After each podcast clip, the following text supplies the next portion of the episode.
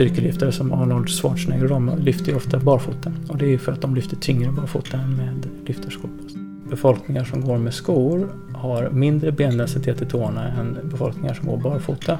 Titta på 75 plus-åringar i de här naturbefolkningarna, de står i flera minuter på ett ben blundandes. Tittar vi på 75-åringar i Sverige så pratar vi ofta fem sekunder med tittandes ögon. Hej och välkommen till For Health med Anna Sparre. Jag tror inte att du anar hur viktiga våra fötter är för vår kropp och hälsa. Och inte bara för rörelseapparaten, utan för hela vår hälsa. Hjärnan, lymfsystemet, andningen och så vidare. Och för att inte nämna skornas påverkan på våra fötter. Här får du i två avsnitt så mycket kunskap om fötter och skor. Hör och häpna över hur mycket detta faktiskt påverkar din hälsa. Såklart får du, som vanligt, konkreta tips, övningar med mera och dessutom lär du dig testa din fot och dess funktion. Hur får du ett bra gångsteg respektive löpsteg? Hur är det med pronationsstöd och liknande? Här får du också tips på hur du relativt enkelt kommer till rätta med allt från fotbesvär som hälsporre, hammartå och hallux valgus till dålig balans. Och att komma till rätta med detta kommer i sin tur att ge en kedjereaktion av hälsoförbättringar. Vi pratar med Rasmus Svärd som med sina över åtta års studier av foten och kroppen och därtill forskning och massvis med praktisk erfarenhet av att effektivt hjälpa människor med deras hälsa är en av de mest kunniga personer jag träffat. Får jag bestämma själv så är kanske nästa avsnitt om skor ännu mer intressant. Det är helt otroligt hur vi, inklusive jag själv, inte tidigare har förstått problemet med över 99% av alla skor som säljs. Men börja med att lyssna på detta superviktiga avsnitt om foten så förstår du också vikten av rätt sko. På nyttoteket.se får du hela 20% rabatt på allt med koden SPARRE20. Jag använder själv bland annat bärpulver, C8 och MCT-olja från Nyttoteket och de har även kollagen och benbuljong. På naturshoppen.se får du 15% rabatt med koden SPARRE. Naturshoppen har produkter från mindre tillverkare som varsamt tar hand om råvarorna med fokus på whole foods och minimering av tillsatser. Där hittar du bland annat torskleverolja, kapslar med lever från gräsbetesdjur, talg, vitaminer, mineraler och Europas enda leverantör för RCP-protokollet. Jag finns på facebook.com forhealth.se och på Instagram som asparre. För att kunna producera en gratis podcast så behöver jag din hjälp att hålla den synlig. Gilla inläggen när de dyker upp i sociala medier och dela gärna med dig av avsnittet i en Facebookgrupp, på Instagram och till vänner. Och gå in och lämna din recension av podcasten i din podcastapp. Tusen tack! På forhealth.se hittar du mina e-böcker och du kan gå min distanskurs om du vill få grunderna kring kost, hälsa och viktnormalisering. Och så kan du boka mig som föreläsare, både online och på plats. På forhealth.se kan du även anmäla dig till nyhetsbrevet som kommer ungefär en gång per månad. Hej Rasmus! Hej Anna! Kul att vara här! Ja, välkommen! Tack så mycket. vi ska prata fötter. Stämmer. Och allt knas som vi gör mot våra fötter som faktiskt påverkar vår hälsa. Verkligen, mer än vad man kan tro. Precis, jag tänkte säga det. De flesta känner nog inte till hur stor betydelse våra fötter har för vårt mående och vår hälsa.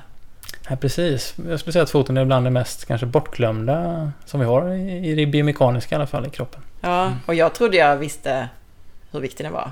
Men det gjorde jag inte. Alltså jag, jag tyckte ändå den var viktig men inte så här viktig. Wow, mm, jag har fått testa lite här nu. Och sen så ska vi också prata om skornas påverkan på våra fötter. Precis, och det är, det är ett kapitel i sig så att säga. Det finns mycket att säga om skor och hur de påverkar våra fötter. Mm. mm. Och så ska vi då som vanligt ge de bästa tipsen och övningarna och så, så att man kan komma till rätta med alla problem man kan tänkas ha. Eller hur? Så mycket matnyttigt som möjligt tänker jag. Perfekt. Börja med att berätta om dig själv och hur det har kommit sig att du har blivit en sån expert på fötter. Ja, Rasmus Svärd heter jag och jag är legitimerad fysioterapeut. Eh, jag jobbar mycket med metoden postural träning. Jag har jobbat flera år med Marcus Greus som många säkert eh, känner till. Ehm, och, så det är det jag gör på dagarna och sista åren så har jag verkligen nördat in mig på just foten. Gått eh, många olika kurser hos olika experter kring foten och tittat djupt på biomekaniken och hur ska egentligen en naturlig fot fungera. Jag har ju alltid jobbat på fotriktning, alltså vilken håll foten ska peka och så. Men nu har jag även tittat på fotens biomekanik i sig och det är ju en väldigt fascinerande värld faktiskt när man tittar noggrannare på den. Mm. Just det. Ja, och där har vi varit inne lite på. Vi har gjort ganska många avsnitt med Marcus Greus innan.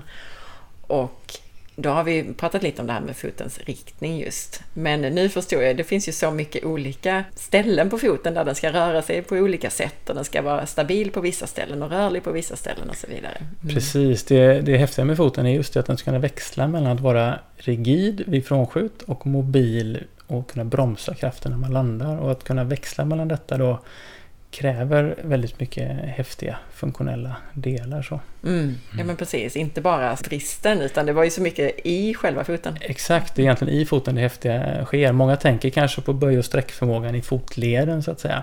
Men det är liksom i alla andra delar av foten som det spännande händer egentligen då. Och just att vi går på två ben, det är fascinerande i sig och att vi kan ta oss framåt på, på det sättet vi gör jämfört med andra primat till exempel så har man ju greppförmåga i fötterna medan vi ska ha gångreflexer och ta oss framåt. Mm, just det. Och jag råkar ju veta att du har så jättemånga utbildningar också. Går det att summera någonting kring det? Eh, ja, men jag är ju nyfiken som människa och jag, jag, älskar att lära mig nya saker och är ödmjuk för att det finns mycket spännande att lära sig. Så att, eh, ja, jag går utbildningar hela, hela tiden. nu senast en vidareutbildning för osteopater för några helger sedan här. Och som, även om jag inte är osteopat faktiskt så har jag lyckats få med på en sån då. Men eh, jag är ju som sagt sjukgymnast och eh, posturalterapeut och, eh, och det finns ju många posturaltränare vid det här laget men det är väldigt få posturalterapeuter fortfarande i landet som är den lite längre, djupare utbildningen. Då. Eh, och sen, men jag är även PT och massör. Jag har eh, gått kinesologutbildningar. Jag har gått eh, även funktionsmedicinsutbildningar och massa saker som är spännande. Så att jag älskar att lära mig nya, nya saker. Jag tror jag räknade på det, det var något år sedan, men då räknade jag på att jag hade om man hade omsatt det till heltidsstudier på universitetet så hade jag ungefär åtta års utbildning då. ja, wow. Ja, nej, men jag märkte det. Du, du kunde allt, höll jag på att säga, nu när jag fick lägga mig på bänken här hos dig och göra övningar. Men om vi tar det lite från början då. Kan du berätta om evolutionen och utvecklingen av människans fot? Ja, precis. Och då får man titta på hur en människa är konstruerad helt enkelt. Att vi står på två ben och vi går och tar oss framåt. Och för att detta ska kunna hända då så behöver vi ha en viss form på foten och en viss funktion. Då. Till exempel har vi väldigt korta tår. Vilket betyder att de kan vara rigida hävstänger vid gångcykeln egentligen. Då, så att vi kan alltså ta oss framåt. Om vi jämför evolutionsmässigt med till exempel apor så har de sneda tår. Alltså tårna är lite mer sneda och är relativt sett bättre på att gripa. Då, så de ska kunna klättra i träd och greppa tag om saker. Medan vi är mer konstruerat på sånt sätt att vi kan... Vi har också en viss greppförmåga på ojämna underlag och så, men vi ska kunna ta oss framåt genom gångreflexen då. Eh, Medan eh, vi, vi, har också en gripreflex, men relativt sett så är det mer en primitiv reflex. Och här gångreflexen är en evolutionär utveckling på det då. Men just det här att vi, vi står på två ben. Jag har inte tänkt på hur fantastiskt det är än, men eh, det är lite grann precis. Tänk om vi skulle gå omkring på händerna till exempel. Ja men verkligen. Det, det är ju verkligen unikt att, att vi står på två ben. Om man, om man, det är inte många som gör det i naturen. Många, många gör så. Så att vi har ju verkligen evolutionerat. Alltså evolutionen har gjort att vi kommer till det stadiet just då. Och då är nyckeln där hur foten, alltså foten är verkligen nyckeln för det. Hur den kan växla mellan att vara rigid och mobil. Och hur de här tårna då fungerar som hävstänger för att vi ska kunna ta oss framåt. Så att kraften vi genererar då från rumpa, baklår, vad hamnar i foten på ett sätt som tar oss framåt helt enkelt. Så det, det är väldigt stor skillnad mot eh, andra primater till exempel. Då. Mm. Vad tänker du då om utvecklingen de senaste hundra åren eller så?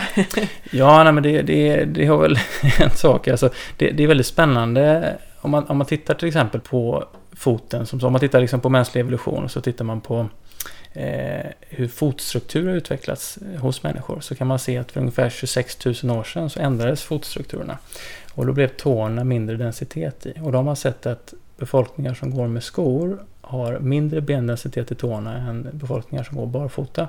Så antropologerna tror alltså att för ungefär 26 000 år sedan så började man använda väldigt mycket mer skor eh, i samhället, eller liksom som människa, än tidigare. Då. Och då kan man se förändringar i fotstrukturer. Så det är också en spännande evolutionär grej då, hur viktiga tårna är för oss just för att vi ska kunna då gå framåt och hur adaptiva vi är som människor, att vi faktiskt kan se skillnad på benstrukturerna i skelettet då, mot mycket skoanvändning kontra mindre skoanvändning. Och då kan man ju fundera på hur det eh, kommer vara, vi kommer se tillbaka på den här tidsepoken med våra moderna skor som kanske har väldigt smala tåboxar och, och så vidare. Då. Ja, och det ska vi komma in mycket mer på. Och också det här, för du sa det med, med tårna nu, att det var en utvecklingsgrej och tårna har ju jätteviktiga funktioner för Verkligen. oss. Så det ska vi komma in på tänkte jag nu när vi mm. pratar. Jag tänkte vi skulle prata lite om, om funktionen i foten. Så vad är fotens funktion? Ja, precis. Så vi ska ju stå på foten och det, är ett balansorgan. Ehm, det är en understödsyta. Eh, det ska vara en viss greppförmåga såklart och ge sensoriskt input till kroppen. Så att eh, hjärnan läser ju av omgivningen via fötterna bland annat. Det finns ju 200 000 nervändar i fötterna som ger sensorisk information till, till kroppen. Så vi vet vart vi befinner oss och kan hålla balansen etc. etc. Eh, och sen givetvis då så ska ju foten eh, dels bromsa krafter. Så när vi rör oss då så ska vi bromsa in. Alltså om man tänker sig gångcykeln så landar vi på hälen och bromsa krafterna för att sen skjuta ifrån via stortån och ta oss framåt så att säga. Så vi har både en, en bromsande verkan och en, en hävstångsverkan eh, som foten ska bidra med till rörelseapparaten.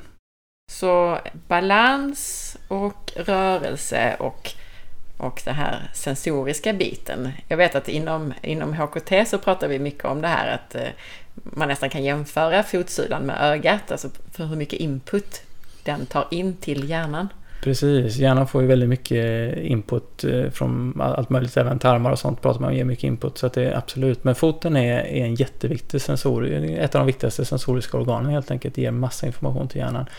Och stortån har som en egen del nästan hjärnan kan man säga, så den har väldigt mycket sensorisk information även jämfört med foten i sin helhet. Så stortån extremt viktig, foten superviktig. Mm. Mm. Jag, tycker, jag tänker på ytterligare en grej med det här med att vi stänger in fötterna i, i skor. Att helt plötsligt så har den, den ska ju läsa om, av omgivningen, tänker jag, underlaget. Verkligen, verkligen. Så dels så ger vi ju lite falsk information och, och har man en hög sula så det är därför man kanske inte spelar tennis i en löparsko för att då ska man vara stabil i sidled och då har man större risk att vricka foten för att man har så att säga tappat kontakt med marken jämfört med en lite lägre sula då till exempel. Då. Medan när man springer kan man tycka det är okej okay då. Så det, det är ju spännande hur vi läser av vår omgivning via foten och det påverkar balans och, och allting då. Så att absolut är det massa sensorik där. Mm. Och barfota är ju, är ju det som ger kanske mest ren och exakt eh, Eh, information till, till nervsystemet. Det, det är ju spännande som en sidparentes att man ser ju till exempel sådana här styrkelyftare som Arnold Schwarzenegger de lyfter ju ofta faktiskt eh, knäböj knäböj barfota. Och det är ju för att de lyfter tyngre barfota än med lyftarskor på sig. Ja, mm. Det är sånt som man inte tänker på. Hur kan det funka egentligen? Ja, ja, ja precis. Det är häftigt. Mm. Men jag vet också att vissa pratar om fötternas funktion lite grann som, som det sjätte sinnet. Det här med att hålla balans och, och sådär. Mm. Ja men verkligen. Alltså foten som balansorgan är ju eh, proprioceptivt oerhört viktigt helt enkelt. Och, och stortån är så viktig för balansen också. Och den glömmer man bort lite ibland hur viktig den är. Ehm, det är det är lite som handen kan man tänka. Om du har en hand och ska använda den och om man tar bort tummen på handen så kan man ju själv kanske ha lätt att förstå att det blir väldigt svårt att använda väldigt många funktioner av handen då. Medans det är faktiskt samma sak för foten. Skulle vi ta bort stortån så blir fotens funktion oerhört begränsad på samma sätt då. Eh, och för att ta ett makabert exempel på det så, så tiden när man hade slavhandel så högg man ju faktiskt av stortån på, på en del slavar just för att då kan man nämligen inte springa så man kan inte fly utan eh, man kan bara gå så att säga.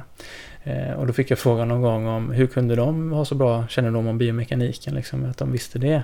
Och först tänkte jag, ja det var ju spännande, hur kunde de veta det? Men sen var det någon som sa till mig att antagligen har ju de lite trial and error. Liksom. Prova att hugga av kanske alla tår först och då, då kan man ju kanske knappt hålla balansen alls då va. Och sen, eh, men så märkte de att om vi hugger av just stortån så kan man fortfarande arbeta, man kan fortfarande gå, men man kan inte fly och springa. Så tyvärr var det nog så hemskt. Även om den hade varit hemsk ändå såklart, den historien då. Mm. Mm. Nej, man kan alltså inte springa utan stortå. Wow. Mm, så viktig är den. För varje gångsteg så, och även, alltså gå kan du göra men den blir, det blir inte så bra som det skulle kunna vara. För varje gångsteg ska du egentligen landa på hälen och rulla till stortån och skjuta ifrån via stortån för en, en, en funktionell och bra, eh, ett bra gångsteg helt enkelt. Det finns en naturlag som man uttrycker som form predicts function. Vad betyder det? Precis. Eh, jag tror faktiskt att den är form follows function, men, men det kan vara lite olika litteratur. Men, men den är, det betyder egentligen att eh, det bästa sättet att förklara det är, det är att likna det med en verktygslåda. Eh, så om ni tänker en verktygslåda så har vi ju en hammare och vi har en skruvmejsel och vi har en såg. Säger vi. Så vi har tre olika verktyg. Och de har ju tre helt olika formar men också tre helt olika funktioner. Så en hammare till exempel har ju eh, ett skaft och ett ganska tungt huvud som gör då att när man hamrar så är den formen väldigt bra för att få en hävarm för att kunna hamra ner en spik till exempel. Då. Så den är väldigt bra formad för att kunna hamra ner en spik. Om vi tar skruvmejseln istället då så blir det ju väldigt svårt att använda skruvmejseln för att hamra ner en spik. Men den har en form som gör det perfekt för den att skruva ner en skruv helt enkelt. Då. Så att det är det man menar med att formen bestämmer funktionen eller styrfunktionen. På samma sätt som en såg då är formad på ett sätt så att man kan såga av ett träplank som inte går med en skruvmejsel. Och tittar vi då på naturen, om vi tittar på till exempel en fågel, så har ju de ju fjädrar eh, för att de ska kunna flyga. Och fjä, alltså konstruktionen på en fjäder är ju väldigt lätt, som gör att de inte blir tunga, det vill säga att de kan flyga. Men den är också konstruerad på ett sätt så att de kan liksom parera vinden och faktiskt styra. Eh, och det är också ett, ett eh, bevis på att de är, deras form predicts function, så att säga. Så att den styr, formen styr vilken funktion man har. Och det, är, det, det är, det är liksom en naturlag som finns genomgående i hela biologin då. Så det används väldigt mycket. Mm. Och hur återspeglar det sig i foten? Ja, precis. Och då är det så att fotens form kan man ju då alltså se vilken funktion den ska ha. Tittar vi då på människans evolution, det vill säga att om vi återkopplar till det, att vi ska gå, vi ska ta oss framåt, vi står på två ben. Formen då, att vi har till exempel korta tår och inte de här långa sneda tårna som aporna har. De här korta tårna kan fungera som hävstänger som tar oss framåt. Så den formen styr ju hur vi då kan använda vår fot evolutionsmässigt. Och något som kanske är nästan ännu viktigare är att formen på foten då ska, man ska ha lite utrymme mellan alla tårna så att det ska vara spreta, en spretande tå kan man tänka på en, på en normal fot. Nu är inte detta, eller på en naturlig fot ska jag säga, för det är inte så normalt. Men det är väldigt naturligt egentligen för oss att ha Tittar man på barn i ung ålder så har man ofta utrymme mellan stortån och de andra tårna så att man har så att säga en, en spretande stortå. Det vill säga stortån ska inte peka mot de andra tårna utan bort från de andra tårna. Då, för att den ska vara en neutral position. Och har foten den formen, då har man optimala förutsättningar för balans. Man har optimala förutsättningar för att kunna röra sig på ett biomekaniskt effektivt sätt. Det är inte så att man inte kan gå om stortån pekar inåt, men det blir inte lika effektivt. Man kanske vrider ut foten, man kanske faller in med knät, man kanske roterar höften i gångcykeln. Så att det blir följdkompensationer på detta genom, genom hela kroppen egentligen. Nu nämnde du ju då att ett jättevanligt ska säga, fel då idag med dagens fötter, det är att vi har stortår som då pekar inåt eh, och inte ens rakt fram utan faktiskt inåt istället för utåt då, snett utåt som de ska. Precis, det är nog, eller det är det vanligaste eh, dysfunktionen om jag kallar det så. Liksom. Det, om, man, om man har det så pass mycket att det blir ett medicinskt tillstånd så kallar man ju det hallux valgus. Och då blir det ju kanske en svullnad på den här fot, stortå-fotknölen då. Den kan smärta lite och man kanske har ont och man har trånga skor på sig. Och så här, va? Men även om man inte har alltså problem av det man kallar hallux valgus, så har nästan alla en snedställning i stortåleden. Då, va? Och är man nyfiken på detta som lyssnare och vill veta om man själv har det eller inte då, så kan man ju eh, egentligen ställa foten på ett papper och, och rita av foten kring pappret. Sen vill man markera en liten punkt vid mitten på hälen. Och sen mitt i motsvarande stortåknogen. Det brukar vara ungefär en halv centimeter in från liksom ytterdelen på, på stortåknogen så att säga. Och stortåknogen är, alltså om man har en hallux valgus så är det den så att säga? Ja, precis. Mm, den, som sticker ut lite. Mm. Och den sticker ut för många även om man, precis, så att det är den stora knogen på stortån så att säga. Ja. Mm. Så den vill man markera lite mitt i den, alltså på pappret då, och från mitten på hälen. Och sen om man använder en linjal då, så vill man dra en rak linje från hälen genom stortåleden. Och så fortsätta till pappret slut då. Och om då toppen på stortån är i linje med den här linjen, då har man en funktionellt neutral och bra stortåplacering. Men 95 procent i alla fall, väldigt, väldigt många har en stortå som devierar från detta, så de, den flyttar sig alltså mot de andra tårna. Så man har olika grad av detta. En del har ju väldigt synligt att man ser att man har en hallux valgus och en del kanske tror att man har en rak stortå, men om man gör detta testet så, så kommer man antagligen upptäcka att, eh, att det finns lite mer att hämta där. Ja, Jag skulle säga ännu fler än 95 procent. Ja, jag försökte vara snäll. Ja. ja, men precis. Så att man ritar av sin fot, man drar ett, en rak linje från ska säga, längst bak mitten på Mitten på hälen hälen. Mm. till eh, Genom stortå. genom den här Mm. knölen som Ja. eller man ska säga då, i knogen. Ja. Ja. Och sen så ska den fortsätta rakt ut. Stortån ska vara en förlängning på den. Men Exakt. i, eh, vi kan nästan lova att du som lyssnar inte har det i linje utan att den är innanför den här linjen den ska vara. Ja. Så att eh, din stortå är för långt in mot de andra tårna egentligen. Ja, nej jag skulle...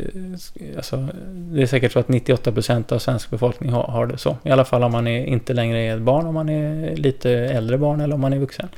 Och, ehm, men det som är spännande då är att om man tittar på befolkningar som går mer i naturen, alltså går barfota och rör sig kanske på ett lite mer evolutionärt naturligt sätt. Så har i princip ingen en sån position på stortån. Alla har en linjerad stortå då va.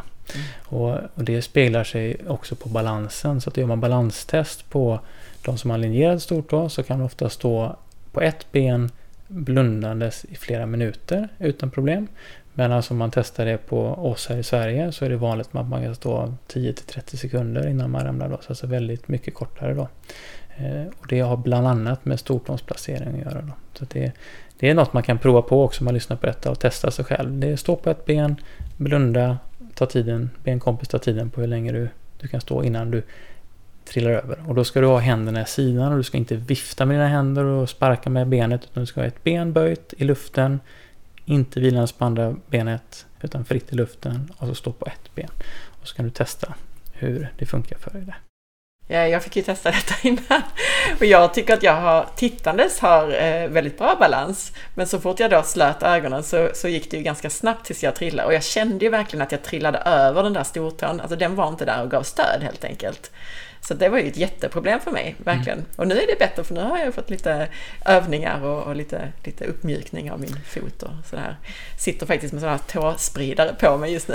Ja, precis. Ja, ja, det är härligt. Nej, men det är viktigt att linjera stortån och, och vill man känna på detta då, liksom för att se hur mycket det påverkar balansen, så kan man ju faktiskt göra så här om man lyssnar. Att man, det ska man ju testa sin balans som vi precis pratade om då, för att få en liten referens. Men sen kan man prova att överdrivet trycka ihop sina tår så att man nästan, de kan nästan vara lite överlappande till och med. Så att man liksom petar till tårna så att de blir ännu mer ihoptryckta än vad de kanske är. Och provar att stå på ett ben så. Och sen lutar man sig lite framåt som att man är på väg att ta ett gångsteg kan man tänka sig. Man lutar sig lite framåt med ihop, hop med tårna. Och känner hur det känns i balansen och, och stabiliteten. Och sen jämför man och gör egentligen samma sak fast man istället då från början spretar på alla tårna. Och framförallt stortån. Man kan peta ut den lite med fingret så att den hamnar mer utåt än vad man kanske tror. Alltså bort från de andra tårna. Och sen trycker man aktivt stortån ner i marken så man liksom förankrar den ner i marken. Och sen gör man om samma test, det vill säga att sen ställer man sig på ett ben och efter ett tag lutar man sig lite framåt och då bör man känna att stabiliteten är ganska mycket bättre då. Du nämnde ju en sak här, men vad händer egentligen med oss, med vår hälsa, med vår kropp när vi går omkring och har de här inåtvridna stortårna? Eh, precis, det, det, är, det blir massa egentligen följdkonsekvenser genom hela rörelseapparaten då. Eh, något som är väldigt vanligt är ju att, att man har en fot som är lite utåtvriden. Man har en stortå som är inåt mot de andra tårna, alltså en hallux valgus variant då. Och då, då försvinner ju som sagt liksom stödet för stortån mot resten av kroppen och då kommer knät ofta falla in lite. Om man till exempel gör knäböj eller utfallssteg så är man nog van då att den foten som kanske har mer rätta så faller knät in lite grann. Det tror jag man kan känna igen sig att, man, att knät har svårt att hålla det utåt helt enkelt. Då, va?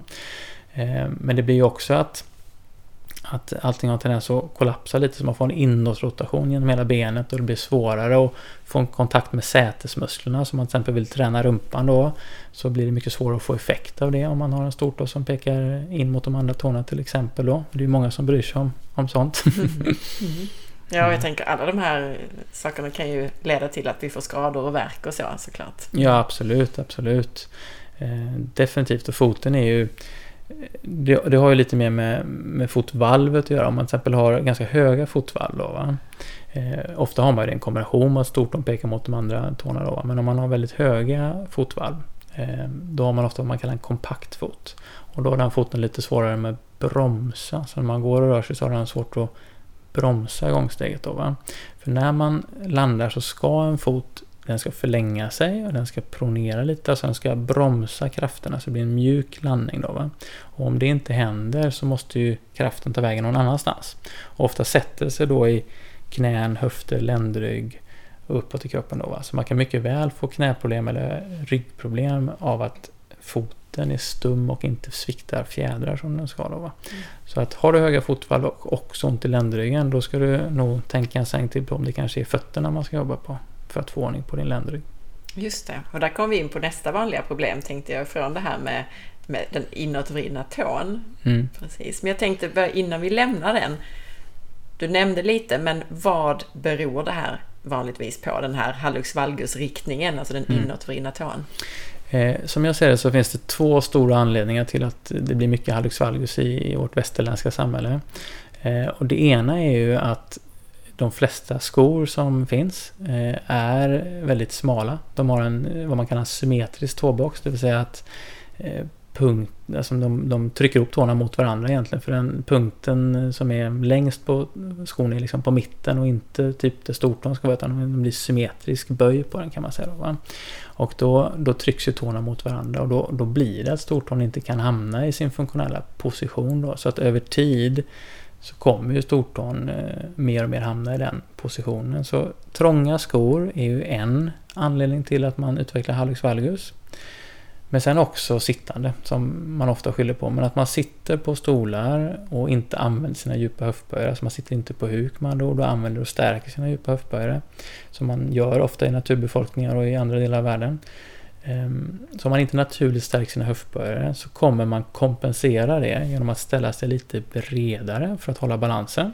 Man kommer ofta vrida ut fötterna lite och då använder man ytligare muskler på utsidan av benen. Och när man går då så kommer man liksom pendla med benen istället för att gå rakt fram och då landar man ofta på ett sätt så att foten är utåtvriden och man rullar över hallux valgus-knölen istället då för att använda stortån som en hävarm. Så den, så den kraft som egentligen ska landa på stortån och tas upp av stortån hamnar på Rent tekniskt heter det metatarsalhuvudet men det, det är knogen på stortån igen då. Va? Så det är den här, den här knölen som man ser kring stortån. Så där hamnar all kraft istället då. Och det kan ju över tid skapa en hallux valgus.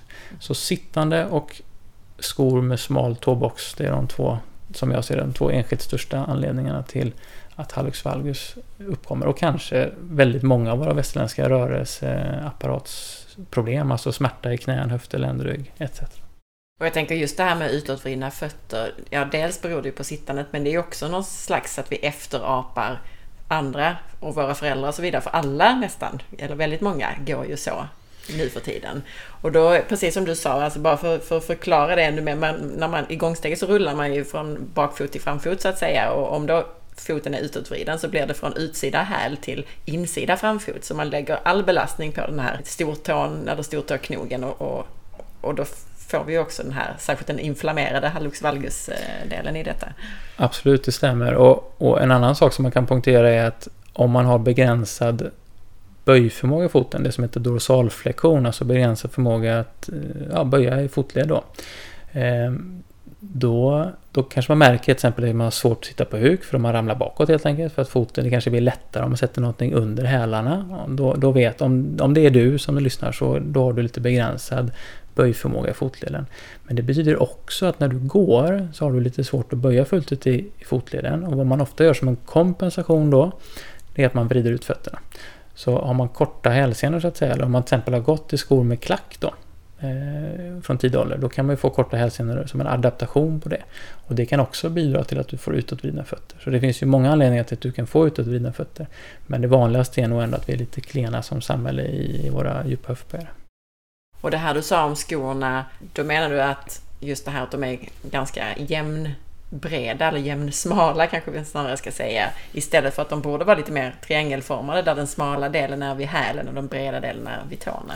Tittar vi på en, en fot eh, så är ju alltså tårna är det stället som ska vara bredast på en fot. Men så är det inte på en sko. Utan det bredaste stället på en sko, de flesta skorna, är ju liksom kring mellersta delen på framfoten om man säger då. Där är det som bredast. Sen så smalnar det av mot tårna så att säga.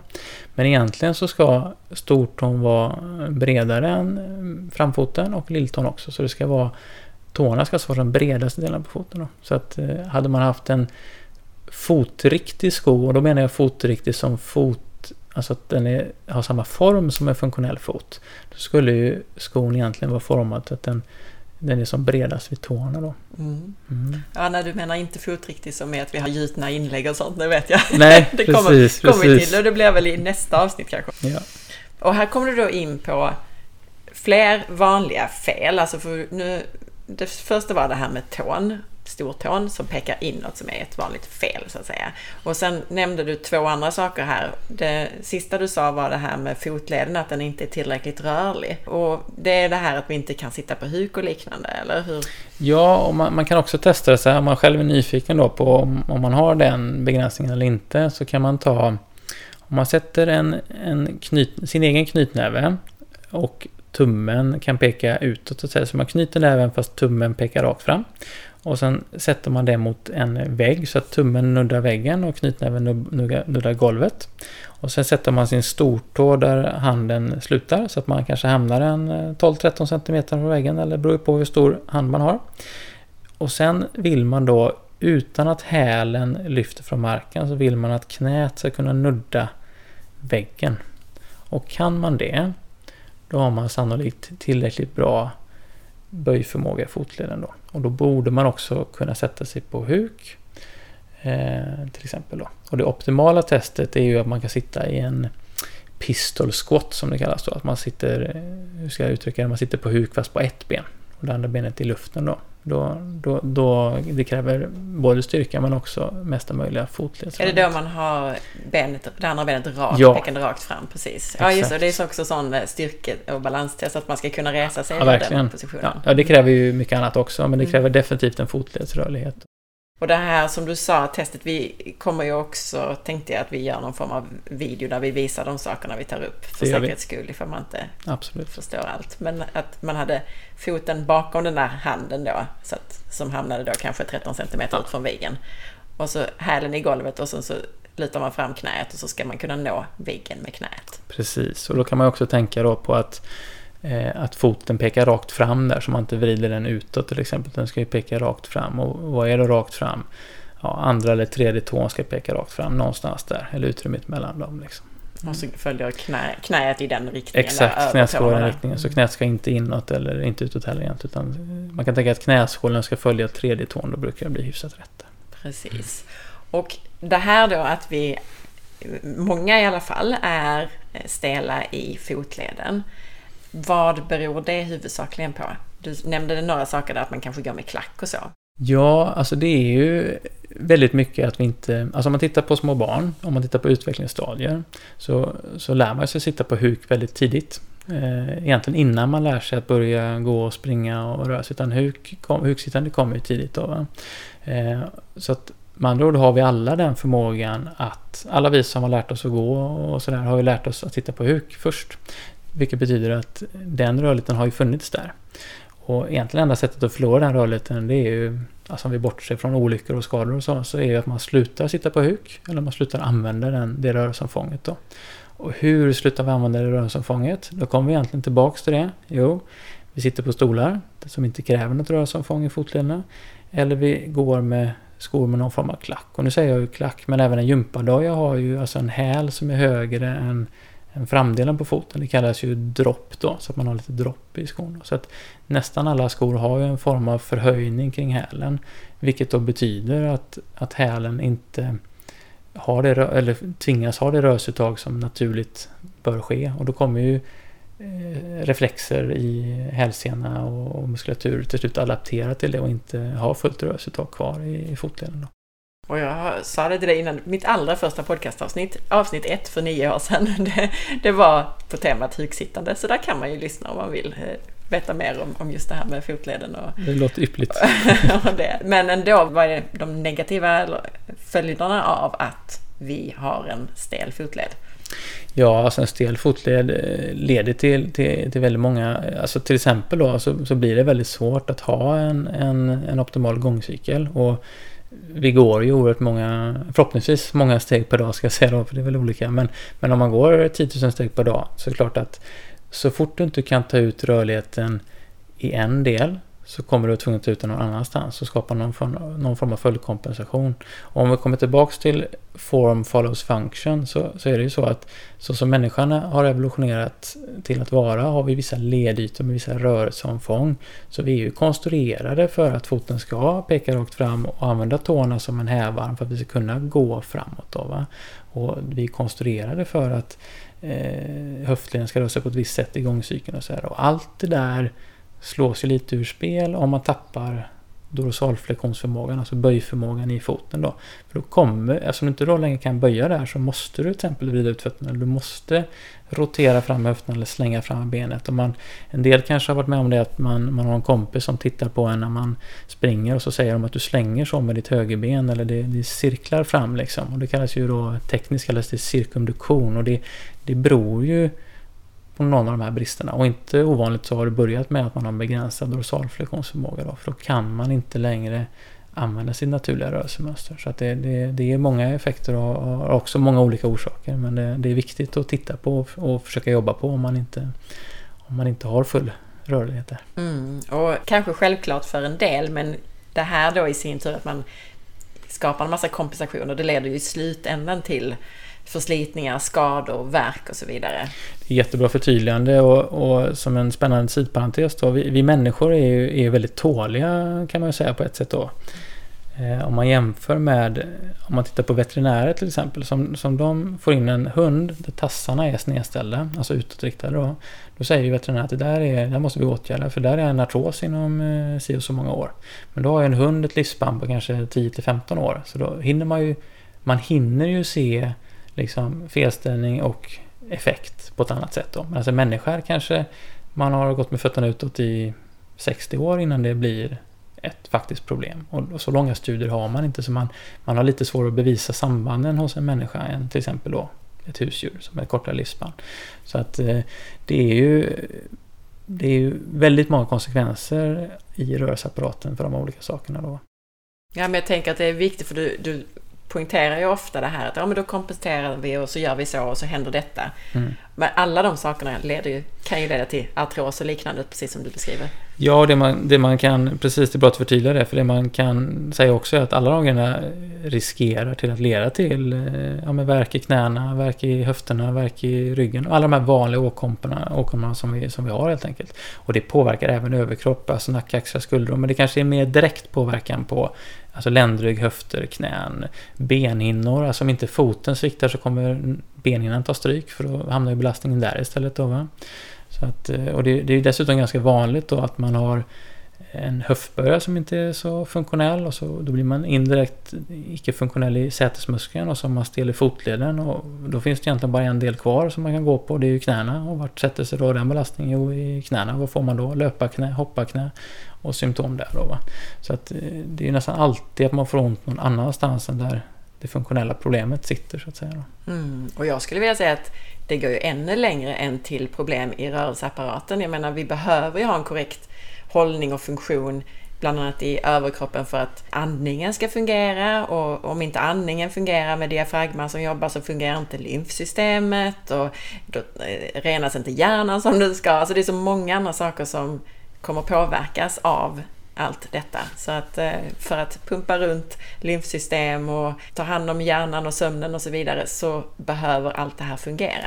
Mm. Ja, verkligen. Eh, ja, verkligen. Och, och, jag har haft patienter som, som söker för knäont och sen så visar det sig att blodtrycket normaliserar sig. Det var ingenting jag ens försökte jobba på eller så, men det blir en följdeffekt av att man skapar balans allmänt i kroppen. Då.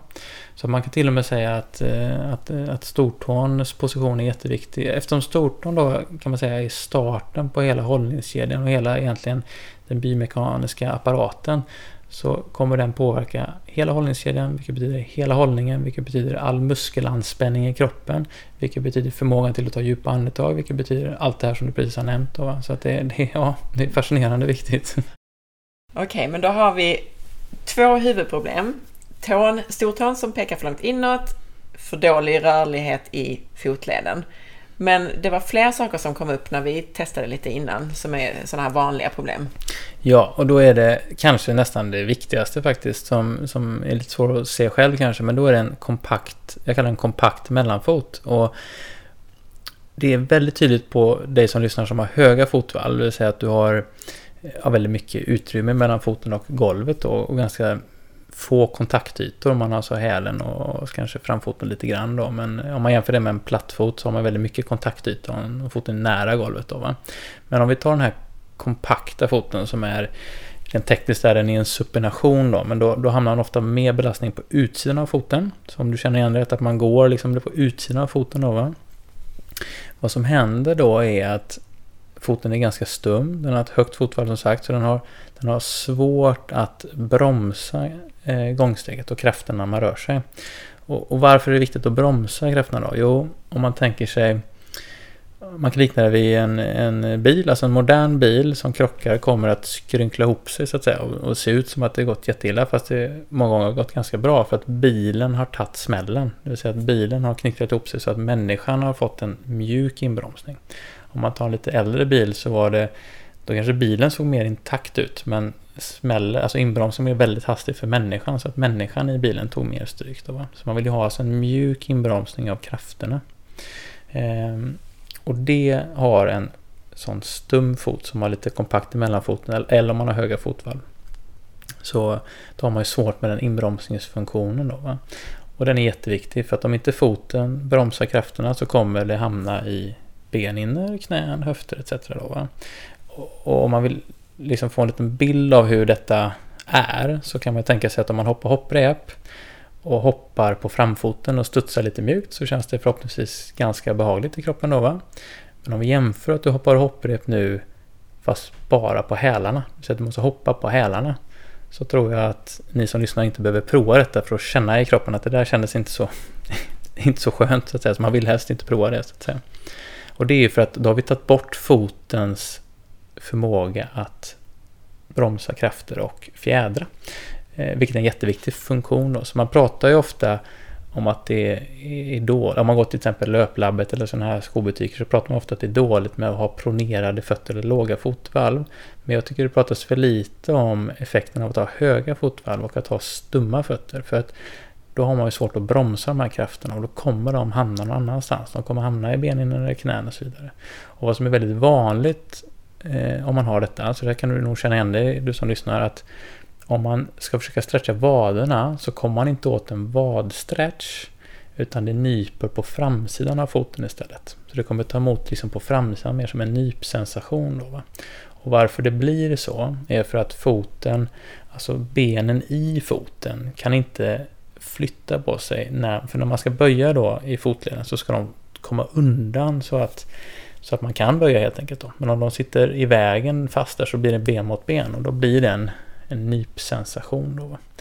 Nu, nu pratar jag lite om extremfallet, men många kommer känna igen sig i detta. Så man går på utsidan av foten, eh, fötterna, så man, har liksom, man sliter skorna på, eller sulorna på utsidan. Man, eh, det är ganska stumt när man går. Bekanta kanske hör en komma gåendes, för det, det hörs så att säga, för det är ganska stumma steg. Och vanligt att man har ont i svanken, för det blir ganska mycket stryk där. Och benhinnor och sådär. Eh, sen kan man ha en liten, och det var ju fallet eh, för dig Anna, att eh, man, man kan ha, alltså inte ha höga fotvalv egentligen, men man kan ha en kompakt mellanfot och funktionellt sett så blir det lite samma sak. Så man vill att den här mellandelen på foten ska kunna svikta. Då. Och ett sätt att testa det hos sig själv det är egentligen bara att man, man ställer sig upp och så provar man att pronera och det är alltså att man ska försöka sänka fotvalven mot golvet och sen supinera och försöka höja fotvalven bort från golvet. Så kan man växla mellan det, alltså varannan gång. Och då brukar de flesta människor kunna känna att det är lite lättare åt ena hållet. Antingen så är det lättare att sänka sina fotvalv eller lättare att falla ut med dem så att säga. Och i ditt fall var det att falla ut lite och det är vanligt då. Och om det är lättare att liksom falla ut med fötterna då kan man också ha stukat fötterna mycket genom livet, inte säkert, men det kan vara så. Och har man den mönstret, då har man ofta en liten så här kompakt fot. Då vill man kunna lära foten att fjädra och svikta. Då. Mm. Mm. Så att summera så kan man säga, då är man i mellanfoten lite för stel och kompakt helt ja. enkelt. Där behöver man skapa lite mer rörlighet in, in i de små detaljerna i foten kan man säga. Precis, mm. och det påverkar också balansen väldigt mycket då.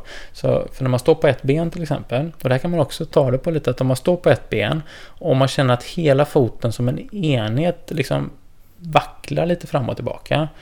Då har foten antagligen, då har liksom framfot och bakfot svårt att samarbeta för de ska kunna om varvat med varandra växlar mellan pronation och supination. Det blir lite tekniskt nu, men de ska kunna röra sig mjukt kan man säga då, så den här mellanfoten kan svikta. Och då kommer foten kunna parera mycket bättre när man håller balansen på ett ben. Men om det blir att du liksom vacklar från ena sidan till andra som, som en enhet, som att foten känns som en, ett stycke fot så att säga. Då har man antagligen en sån här kompakt mellanfot och behöver öka rörligheten där. Nu tror jag att vi behöver definiera det här med pronation och supination. För jag tror inte, nu Nej. tror en del tycker att, men gud vad mycket konstiga ord. Ja, mm. eh, precis. Och, och, det här är väldigt konstigt, eh, eller konstigt, men det är väldigt komplext tyvärr då, va? så att vi ska försöka göra det enkelt. Men, men om man ska göra det så enkelt som möjligt, så som många tänker kring de här termerna, alltså om man har låga fotvalv, alltså att det är lite utrymme mellan golvet och eh, valvet på foten, då har man liksom åt, åt pronationshållet. Då, va? Och sen kan man ha höga fotvalv och att man snarare tyngden på utsidan av foten och då är det tvärtom, då är foten åt liksom supinationshållet. Då. Och jag tror kanske egentligen vi ska hålla det på den definitionen, men man kan gå in lite djupare på det. Och, för då är det nämligen så att, att bakfoten och framfoten växelvis växlar mellan att pronera och supinera och sådär. Men jag tror att då blir det snurrigt för våra kära lyssnare, för det, det är Eh, däremot om man, om man är sjukgymnast eller terapeut eller något sånt och lyssnar på detta och vill nörda ner sig mer på detta så, så finns det, det här är superspännande och jag håller kurser detta, det finns andra som håller kurser detta också men, men man kan titta och verkligen nörda ner sig i fotens funktion och just vad är pronation och supination. För ledytorna i foten, de, de rör sig, de är liksom inte vinkelräta. Om man tänker en armbåge så är det ganska enkelt, det är böja sträcka, eller en knä, det är böja sträcka då. Va? Men foten har inte vinkelräta ledytor så det blir en kombination av rörelser i alla tre planen och det, det är det man benämner då pronation och supination. Men sen kan man krångla till det genom att hälen kan göra en pronation supination, så kan mellanfoten göra det eller så kan hela foten göra det. Så det där är rätt komplext. Så jag Ja. Tack för förtydligandet. Jag tänkte också på det du sa där, det här testet att man står på ett ben och så känner man, som jag upplever det så är skillnaden då att, att först så känns det som ganska stora rörelser, alltså i själva foten fortfarande, så de är inte jättestora, men när man håller balansen och man är för orörlig där i mellanfoten så är det liksom hela foten som vickar lite fram och tillbaka. När den sen är lite rörligare så kan man känna liksom, alltså, man visste knappt att man hade alla de här små musklerna där, att man känner att det är små, små mikromuskler liksom som samarbetar för att hålla balansen. Man behöver inte knappt se det från utsidan utan det känns bara som små grejer. Exakt, och då är det för att din fot i, i det fallet och om man känner det att från början så kan inte du separera rörelsen mellan främre foten och bakfoten. Så att för när bakfoten håller på att supinera, för att du inte ska tappa kontakten med marken på framfoten så måste den göra motsatsen, det vill säga pronera.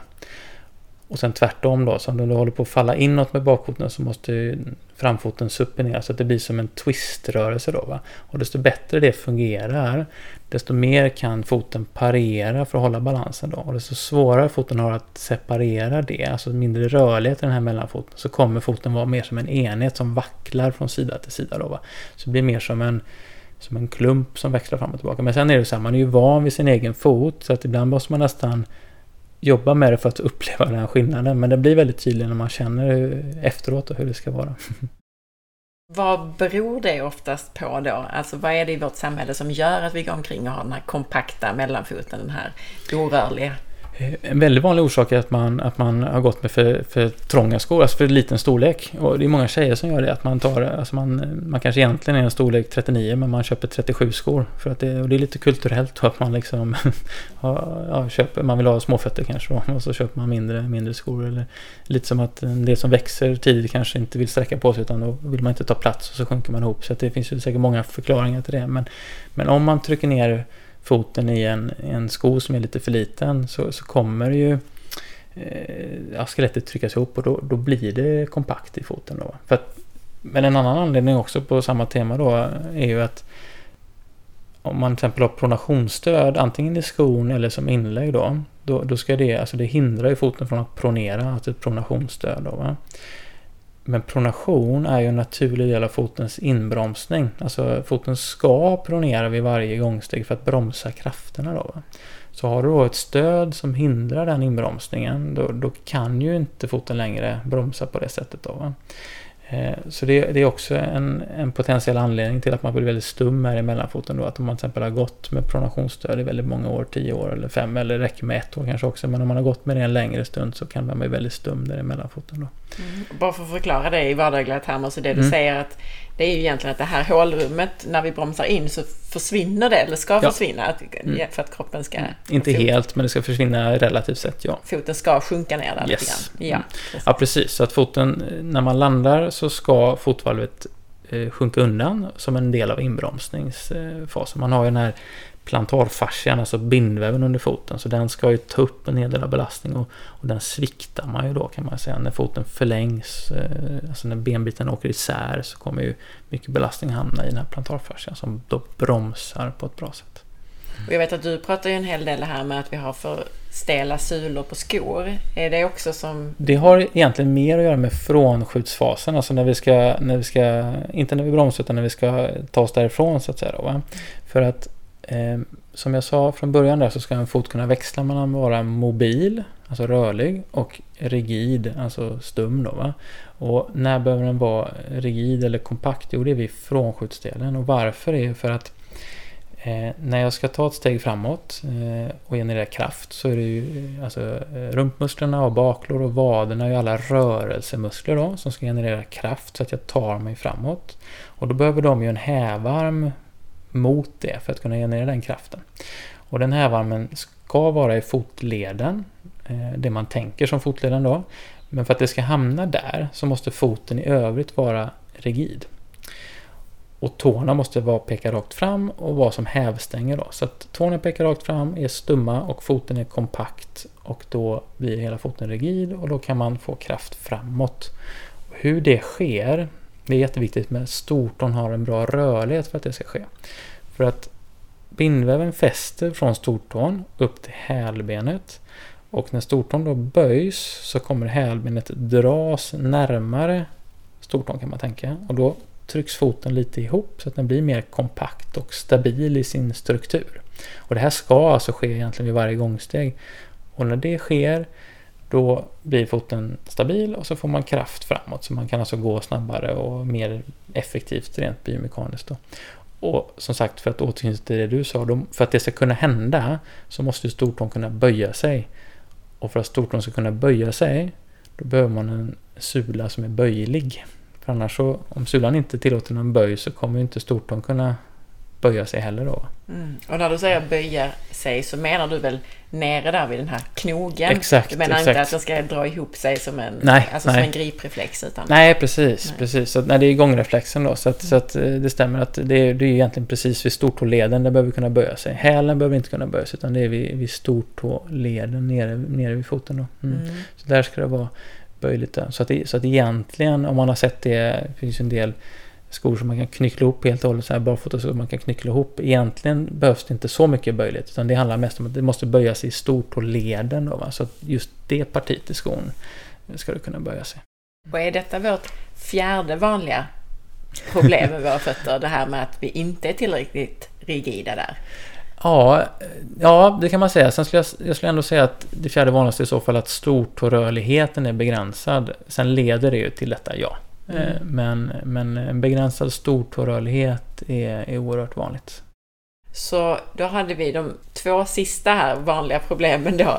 Dels var det här vi hade för dålig rörlighet i mellanfoten och vi hade för dålig rörlighet i stortån och därmed då också inte tillräckligt rigid. Mm. Så spänsten blir sämre kan man tänka i gångsteget. Mm. Och vad leder de sakerna till då? Är det samma som de andra grejerna eller? Ja, alltså om man tänker det här med att foten inte blir rigid när man är frånskjutet. Det, det blir ju det blir definitivt eh, alltså, mindre energieffektivt och prestationssänkande och, och, inte så bra om man till exempel vill springa snabbt eller, eller gå mm, snabbt så att säga. Sen det som händer om stortårörligheten inte är optimal, det är att belastningsför... Alltså plantarfascian ska ju då böjas via stortån så att man får den här rigida strukturen. Och då blir ju hävarmen en viss längd. Men om stortån inte böjs då blir hävarmen mycket längre. Vilket betyder att krafterna blir mycket större på plantarfascian. Så det leder ofta till hälsporre eller plantarfascit eller alltså ont helt enkelt under i hålfoten. Så att smärtor i hålfoten av olika slag hänger ofta ihop med att stortårörligheten är begränsad. Då. Och det här sista vanliga problemet då, att vi inte är tillräckligt rörliga i stortåleden. Kan man testa det på sig själv på något sätt så man vet? Ja, men det kan man göra. Och eh, då brukar man säga att i alla fall 45 grader är bra för att ha i liksom, den vardagliga funktionen. Men, men även upp mot 70 grader är egentligen optimalt. Då. Så man, det enklaste sättet är ju egentligen att man, man sätter ner sin fot på marken och, och, och helt enkelt tar fingret under stortån och försöker böja upp den. Och då ska man utan att behöva ta i så mycket med handen relativt enkelt komma upp i 45 grader. Så det ska vara relativt enkelt och utan motstånd att lyfta på stortån. Då. Så behöver man ta i väldigt mycket eller bara kommer 20 grader då har man lite begränsad eh, stortårörlighet helt enkelt. Och för den som inte är jätteflink på matte och procenttal och så, så 90 grader är om den skulle peka rakt upp. Halvvägs. Mm. Precis, och mm. halvvägs till rakt upp är 45 grader. Exakt. Och det ska gå lätt att ta upp den dit. Precis, precis. Så att om, du, om stortån hade gått upp så att den pekar mot taket då, då, då är det 90 grader. Så halva den biten med, utan, utan motstånd så att säga. Mm.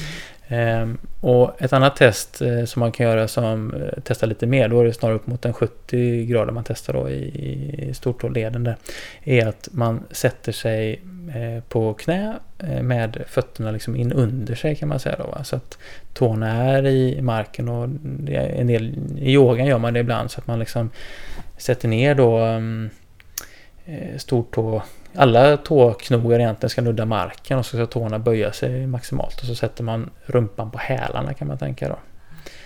Så då, då om man kan det så att de nuddar då har man, då har man bra rörlighet i mm. stortårna. Så tårna i marken, sen sätter man knäna i marken och sen sätter man rumpan på hälarna. Och då ska hela tårna kunna vara kvar i marken där. Exakt. Och dessutom så ska inte hälarna falla isär. För det är en vanlig kompensation att man inte vill belasta riktigt i stortåleden så att då faller hälarna isär lite. Mm, bra test. Ja men den är precis, den, den stretchar eh, tårna om inte annat. Och jag Verkligen. tror att många som inte har yogat kanske till och med tycker den är helt omöjlig. Den är, för många är den helt omöjlig. Mm. Men man ska vara väldigt nöjd om man klarar av den på ett bra sätt. Och du har ju kommit in här en hel del på det här gångsteget. Så vi kanske bara ska försöka summera det. Alltså hur ska foten röra sig i ett bra gångsteg? Mm. Eh, så först eh, när man kommer så ska man ju landa då på, på hälen. Och då börjar liksom inbromsningsfasen kan vi kalla den. Alltså man ska ta upp belastning och fördela belastning och bromsa krafterna då. Så att det blir en jämn belastningsfördelning på ett skonsamt sätt genom hela, hela kroppen egentligen. Då. Ehm, och vad som händer då är att då ska bakfoten pronera och det var ju det där när fotvalvet sänker sig mot golvet och så ska när man landar så ska hela, när hela foten kommer i så ska foten också förlänga sig så att foten blir lite längre under belastning då. Det är för att den sviktar och tar upp den här belastningen. Det är därför man ofta ska köpa en sko med lite utrymme med någon centimeter extra. Det är för att i gångsteget då så förlängs foten så att om man har skon kloss an så blir det ju blir det problem så att säga. Så foten förlängs där. Eh, och när det har hänt då är liksom delen klar och då är man ungefär Då har man jämvikt på foten kan man tänka. Då är belastningen mitt i hållfoten. Och sen övergår man till frånskjutsfasen då. Och då ska stortån böja sig. Och när stortån böjer sig då drar det då den här plantarfascian som drar i hälbenet så att det blir den här kompakta strukturen så att foten blir kompakt igen. Så att den har gått då från det här mobila läget till ett mer kompakt läge. Och då funkar det som en bra hävarm för att generera kraft som man tar sig framåt. Då. Och, och sen börjar det om helt enkelt. Så det är, det är en cykel mellan att bromsa på ett skonsamt sätt och fjädra iväg och svikta iväg på ett bra sätt. Då. Just det, och där från tån så att säga där i slutet. Från tån. Och vid frånskjutet så vill du trycka ifrån mest från stortån och andra tån möjligtvis, men helst mest från stortån. Och det är väldigt vanligt att man så att säga rullar på utsidan och kanske trycker ifrån nästan med lilltån och, eller liksom de tårna ytterst på foten. Då. Mm. Jag hör här i allt du säger att stortån är ett jätteproblem för många. Att där skulle vi behöva lägga lite mer kärlek. Verkligen. Stortån, eh, ja den har ju, den tar upp mycket av hjärnan. Den, eh, den är som ett roder för foten kan man tänka. Den, eh, den styr styr mycket hur kraftdelningen bör ske. Den har fyra gånger mer benmassa än de andra tårna så att den, den är ju bokstavligt talat konstruerad då för att ta mest belastning. Så det är klart det är synd om man lägger mest belastning på de andra tårna då. Ja, verkligen. Jag gissar nu svaret på det här utifrån vad du har sagt redan, men gör de flesta rätt i sitt gångsteg eller vad är de vanliga felen eller problemen? Eh, nej, men det, det, är ju tyvärr väldigt vanligt att det är många olika kompensationsmönster då. Ehm, eh, så jag skulle säga att det är lite 50-50 mellan om man har en eh, för kompakt fot, alltså man har svårt med inbromsningen, eller om man har en så att säga, kollapsad fot, att den faller upp lite med låga fotvalv och att man har svårt med frånskjutsfasen. Då. Så det kan vara lite, lite både och där. Eh, det är jättevanligt med utåtvridna fötter och, och, och de här cirkumduktionerna så att man roterar fram lite. Då, va? Det, det är jättevanligt. Så att um, begränsad rörlighet i fotleden är också jättevanligt. Då, då måste man nästan vrida ut foten för att kunna ta sig framåt. Då. Så att eh, ja, det här är ett samhällsproblem. Det, det är i västerlandet i alla fall. Så att det här är... Eh, tittar man på stan här så, så är det väldigt få som går naturligt. Men alltså man tittar på en strand kanske i något, eh, något naturland så, så går de väldigt eh, fint och biomekaniskt eh, skonsamt. Då. Så det är stor skillnad. Vi ska ju komma till lite vad man kan göra för att få ett bättre steg, men jag tänker det låter ju som att ett par saker som man kan tänka på är att gå med raka fötter, alltså istället för utåtvridna, och att också försöka lägga mer tyngd på stortån. Eh, precis. Eh, om man kan ställa fötterna rakt när man går utan att det skapar massa spänning. Alltså man kan ju vara så stel att om man tvingar fötterna rakt att det, det nästan skapar spänning i kroppen då. Men om man kan göra det och det känns helt okej. Okay, då är det jättebra. Eh, och, man, och man kan liksom tänka på när man går att man försöker Eh, ta i lite med stortån, man liksom förankrar stortån i marken och använder den verkligen då när man trycker ifrån. Sen, sen eh, och det tycker jag, båda de grejerna är jättebra att eh, lära känna sin kropp lite, testa lite, få en liten uppfattning om hur det här känns. Om det känns svårt, ja men då kanske något man ska jobba på. Känns det väldigt naturligt så kanske man har ganska god funktion redan då va. Sen, sen är det optimala är ju om man kan få in de här funktionerna autonomt, alltså undermedvetet, så att det sker av sig självt. Då. För, för det är klart att gångcykeln ska inte behöva ta kognitiv kraft från oss egentligen. Då, va? Men som övning och som kroppskännedom och som en start och nyfikenhet så är det jättebra att tänka på de två grejerna. Mm. Mm. Och jag tänkte på det du sa att om det nu är så att man känner att att, det är väldigt obekvämt och, och spänt och till och med gör lite ont att gå med fötterna rakt fram. Så har vi gjort då en massa avsnitt med Marcus Greus som du själv har arbetat med en hel del. Och det, jag tror, ja, vi har säkert gjort ett 15-tal avsnitt, men om man börjar med avsnitt 176 där så får man ju då lite tips på hur man kan börja jobba med de bitarna. Precis, och då, då är det, om man har fötter som pekar utåt så är det väldigt bra att man egentligen börjar med de övningarna och sen kan man titta lite på de tipsen vi ger här nu så, så får man en bra helhet där. Och hur är det då med löpsteget förresten, apropå? För det är väl lite annorlunda jämfört med gången?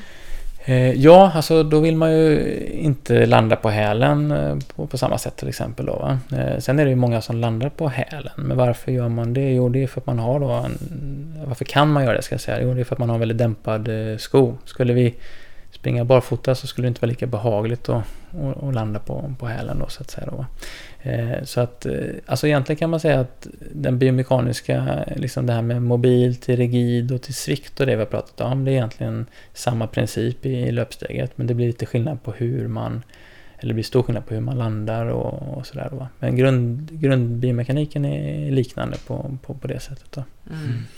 Eh, men, men ta liknelsen med er att hoppar ni, för hoppa Alltså hoppa, eh, vad heter det, eh, hopprep. Alltså att eh, hoppa hopprep och studsa så att säga.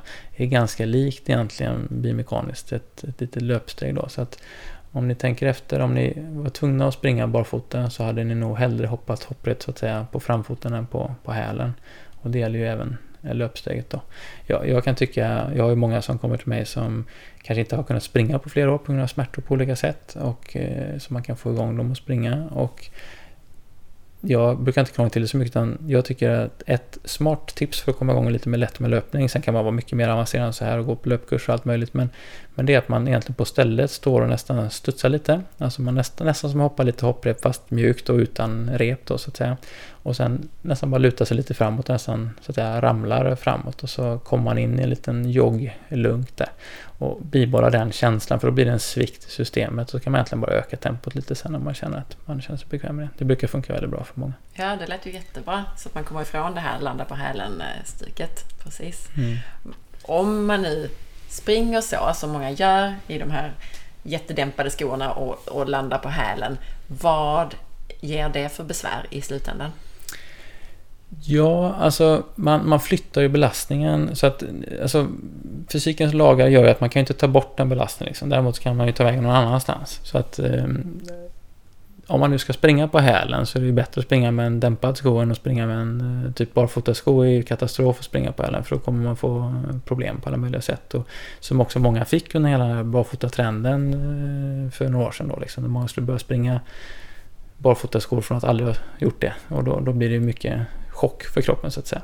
Så att eh, hellre, om man nu ska springa på hälen så är det bättre att springa med dämpad sko än inte då. Va? Så en del kanske känner liksom, ah, jag liksom eh, vill inte ändra mitt löpsteg och det är ju bra kondition. Och ja, det är jättebra för hjärtat, det är jättebra för lymfa. Det är så många bra saker så vi får inte glömma det också. Då, va? Men, men det är klart, det är ju biomekaniskt lite mer effektivt att, att springa mer på framfoten. Man ska inte springa på tårna heller för då blir det, en, det blir motsatsen, fel åt andra hållet. Då, blir det en, då bromsar man ju steget egentligen. Då, va? Så snarare mitt på mitt på foten och eh, det är svårt med de absolut största sulorna att, eh, för då är sulan nästan lite i vägen så det kan vara svårt att landa rätt då.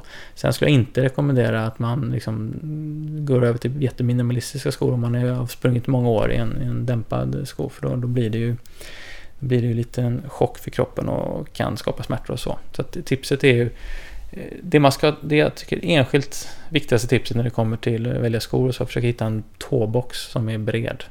Alltså om, om sulan är dämpad, om det är rundad eller allt det där är sekundärt till en bred tåbox. För att, att ha en linjerad stortå är det absolut viktigaste ur ett funktionellt perspektiv. För att återknyta till hela den här eh, biologiska naturlagen med form follows function. Så, så allting styrs av funktionen, eller funktionen styrs av formen.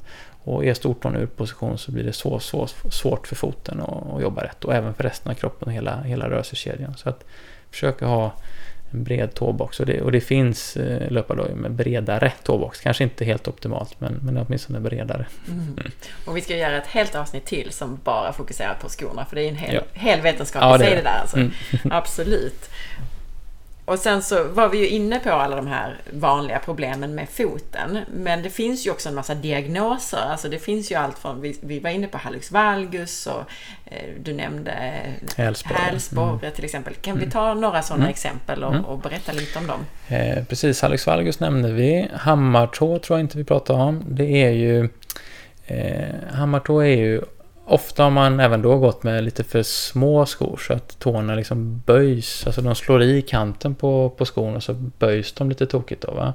Och vad som händer med en hammartå det är att då, då använder man gripreflexen mer än gångreflexen när man går då va. Ehm, så prehensile reflex istället för ambulatory reflex heter det på, på engelska då. Men då, då betyder det med andra ord att ehm, man kan, man kan också säga så här, för att det tror jag fler känner igen sig i att om, om man går i en eh, flip-flop, alltså en flip-flop-sko, för att inte den ska trilla av en så, så har man tendens att greppa lite med tårna då. Va? Eh, och den greppgrejen, då böjer sig tårna så att de blir lite krokiga. Och om man har tår som liksom alltid är lite krokiga och lite böjda så, då kallas det hammartår. Då, va? Och det kan man ha utan att alltså, gå till läkaren och fått en diagnos. Så att ni tittar på era tår så kanske några upptäcker att ni har lite hammartår. Då, va? Och då har ni använt den här gripreflexen lite för mycket istället för gångreflexen. Och gripreflexen är ju egentligen lite mer primitiv reflex. Det är ju det som apor är väldigt bra på för att de kan klättra i träd med sina sin greppförmåga då. Så vi som människor är, har den här gångreflexen då istället. Så, och då ska ju tårna vara raka och rigida, alltså stumma hävarmar då. Eh, och inte då greppa för mycket då.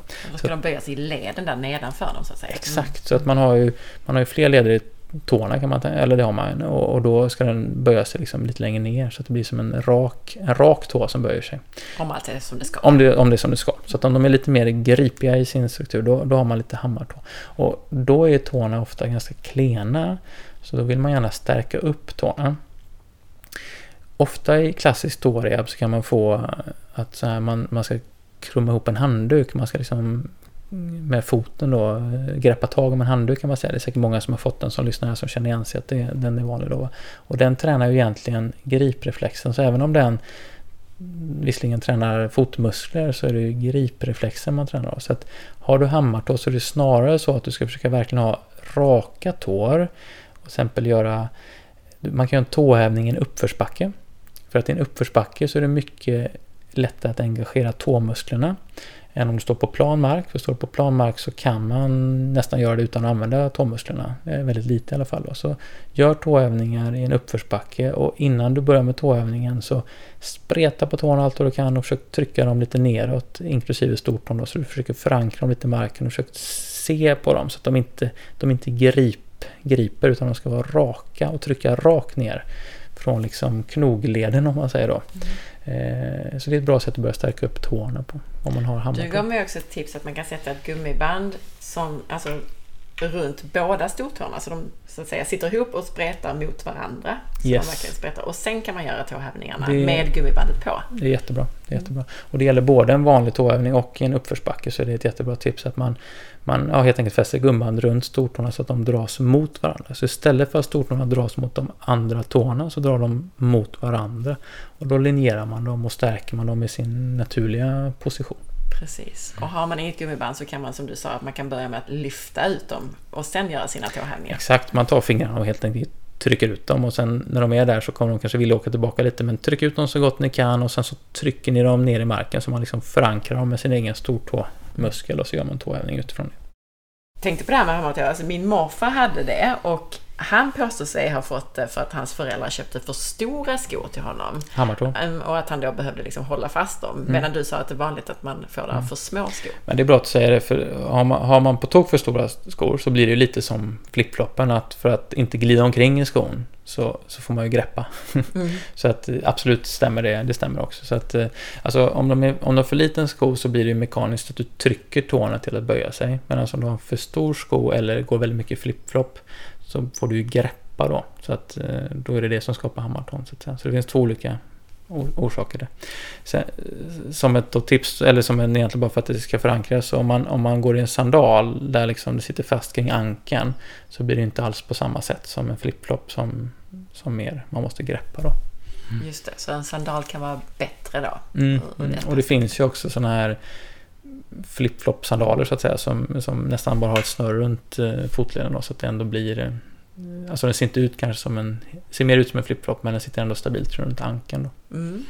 Vi pratade ju väldigt mycket om hallux valgus men har du också någon övning som man kan göra för det? Mm. Eh, Dels så tycker jag ju att om man har hallux valgus så det som nästan är effektivast och nu kanske vi kommer in lite nästan på nästa avsnitt då men det är ju att använda tåspridare och breda skor för att då får man liksom gratis träning i allting, allting man gör. Eh, att man går linjerat och man får rörlighetsträning och styrketräning automatiskt vid vanliga promenader. Men om man tittar på rehabövningar då för en hallux valgus så, och det kan vara jättesvårt och utmanande i början då men eh, man vill jobba mot att kunna ha ett gummiband runt stortån som drar stortån mot de andra tårna. Och sen ska man alltså med andra ord försöka trycka sin stortå bort från de andra tårna. Då stärker man ju musklerna som, som ska linjera stortån helt enkelt. Då, va? Som, som ska dra ut den. Ja, som ska dra ut den. Och, och som antagligen har varit lite på semester så har man nog lite svårt i början då. Va? Och det kan kännas helt omöjligt första gången man provar det. Men det handlar lite om att prova det och väcka den delen av hjärnan och, kämpa på helt enkelt. Då, va? Vad man kan göra för att det ska bli lite lättare är att man tänker att man lyfter på alla tår och så spretar man på alla tår. Så även om det är stort om man är ute efter så liksom gör man så mycket man kan att man bara spretar på alla tår. Och skulle det vara så att gummibandet är för mycket motstånd och tufft helt enkelt så kan man ju i början till och med peta ut tån med fingret och sen släpper man och så försöker man hålla kvar. för då blir det ju vad man kallar excentrisk träning av, stortåmusklerna. Så det, det, kan vara en bra start att man puttar ut stortån och så gör man allt man kan för att hålla kvar den helt enkelt. Och så börjar man skapa en muskel-hjärna-kontakt där. Men precis, bara själva nervsignalen. Exakt. Mm. Mm.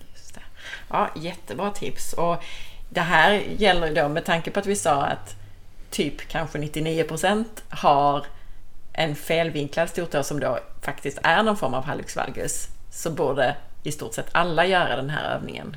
Definitivt. Om inte alla så borde alla som lyssnar ta chansen och, och prova för att känna också hur, hur lätt eller svårt det är. Jag tror att ni kommer bli förvånade över hur utmanande det kan vara att försöka abducera som det heter då, alltså att trycka stortån bort från de andra tårna med lite motstånd.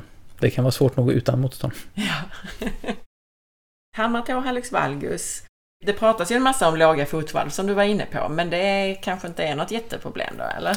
Jo, eller det beror på. Alltså, låga fotvalv eh, får oförtjänt mycket kritik, anser jag. Om man har ett lågt fotvalv när man står stilla, men som ändå när man rör sig, att det ändå blir ett fotvalv. Om man går upp på tå, alltså man gör en tåhävning, så blir det ändå någon form av fotvalv. Men när man står statiskt stilla så är det lågt. Det behöver inte vara så stort problem. Det, kan vara, det behöver man inte lägga så mycket vikt vid. Då, um, men om man har ett lågt fotvalv där man står och som dessutom bibehåller sig lågt när man gör en tåövning eller, eller går så att det liksom kollapsar igenom så att säga. Då vill man ju stärka fotvalvet. Eh, ofta hela fot-, knä-, höftkomplexet. Så att då, då, finns ofta, då har man ofta en klen höftböjare också, en djup höftböjare. Så nu kommer jag in lite på eh, posturalterapi-tänk, men det här är ändå det, det, är bra att prova detta för er som har detta. Så om ni, om ni provar att Ofta har man utåtvridna fötter då, så om ni provar att vrida fötterna rakt så att ni pekar rakt fram med fötterna så att andra tredje tån pekar rakt fram. Och sen gör ni så att ni roterar knäna utåt så ni, lårbenen vrids utåt. Då, va? Vad ni borde känna hända då är att fotvalven relativt sett lyfter sig. Och då kan man jämföra det med att vrida ut fötterna istället och vrida in knäna så att lårbenen vrider in. För då, då trycks fotvalven neråt istället, alltså blir lägre eh, mellan fot och golv så att säga. Så med andra ord, att ha fötterna rakt fram och att vara stark upp i höftböjan kommer, kommer att lyfta fotvalvet. Så det är också en grundförutsättning då för att, ehm, ja, för att få starka fötter och inte kollapsa igenom. Och sen i foten i sig så vill man dels göra den här gummibandsövningen för stortån som vi precis pratade om med hallux valgus. Men man kan också lyfta stortån uppåt, fästa ett gummiband runt stortån och helt enkelt trycka stortån ner i marken då. Och det blir nästan som en biceps curl kan man tänka, fast för stortån då. Så då, då stärker man den här eh, muskeln som ska hjälpa fotvalvet att, att lyfta sig då. För att äkta låga fotvalv då, som, som alltså bibehålls låga, hänger ihop med det som vi pratade om innan, att man inte, är till, man inte har den här rigiditeten. Exakt. Och alltså för, för dålig rörlighet i den här stortåleden. Nästan alltid så har man väldigt dålig rörligt stortån och varför är för att när foten är så kollapsad på det sättet med lågt fotvalv så är ju, då ligger ju hela plantarfascian, alltså bindväven under foten i ett, liksom ett långt utsträckt läge.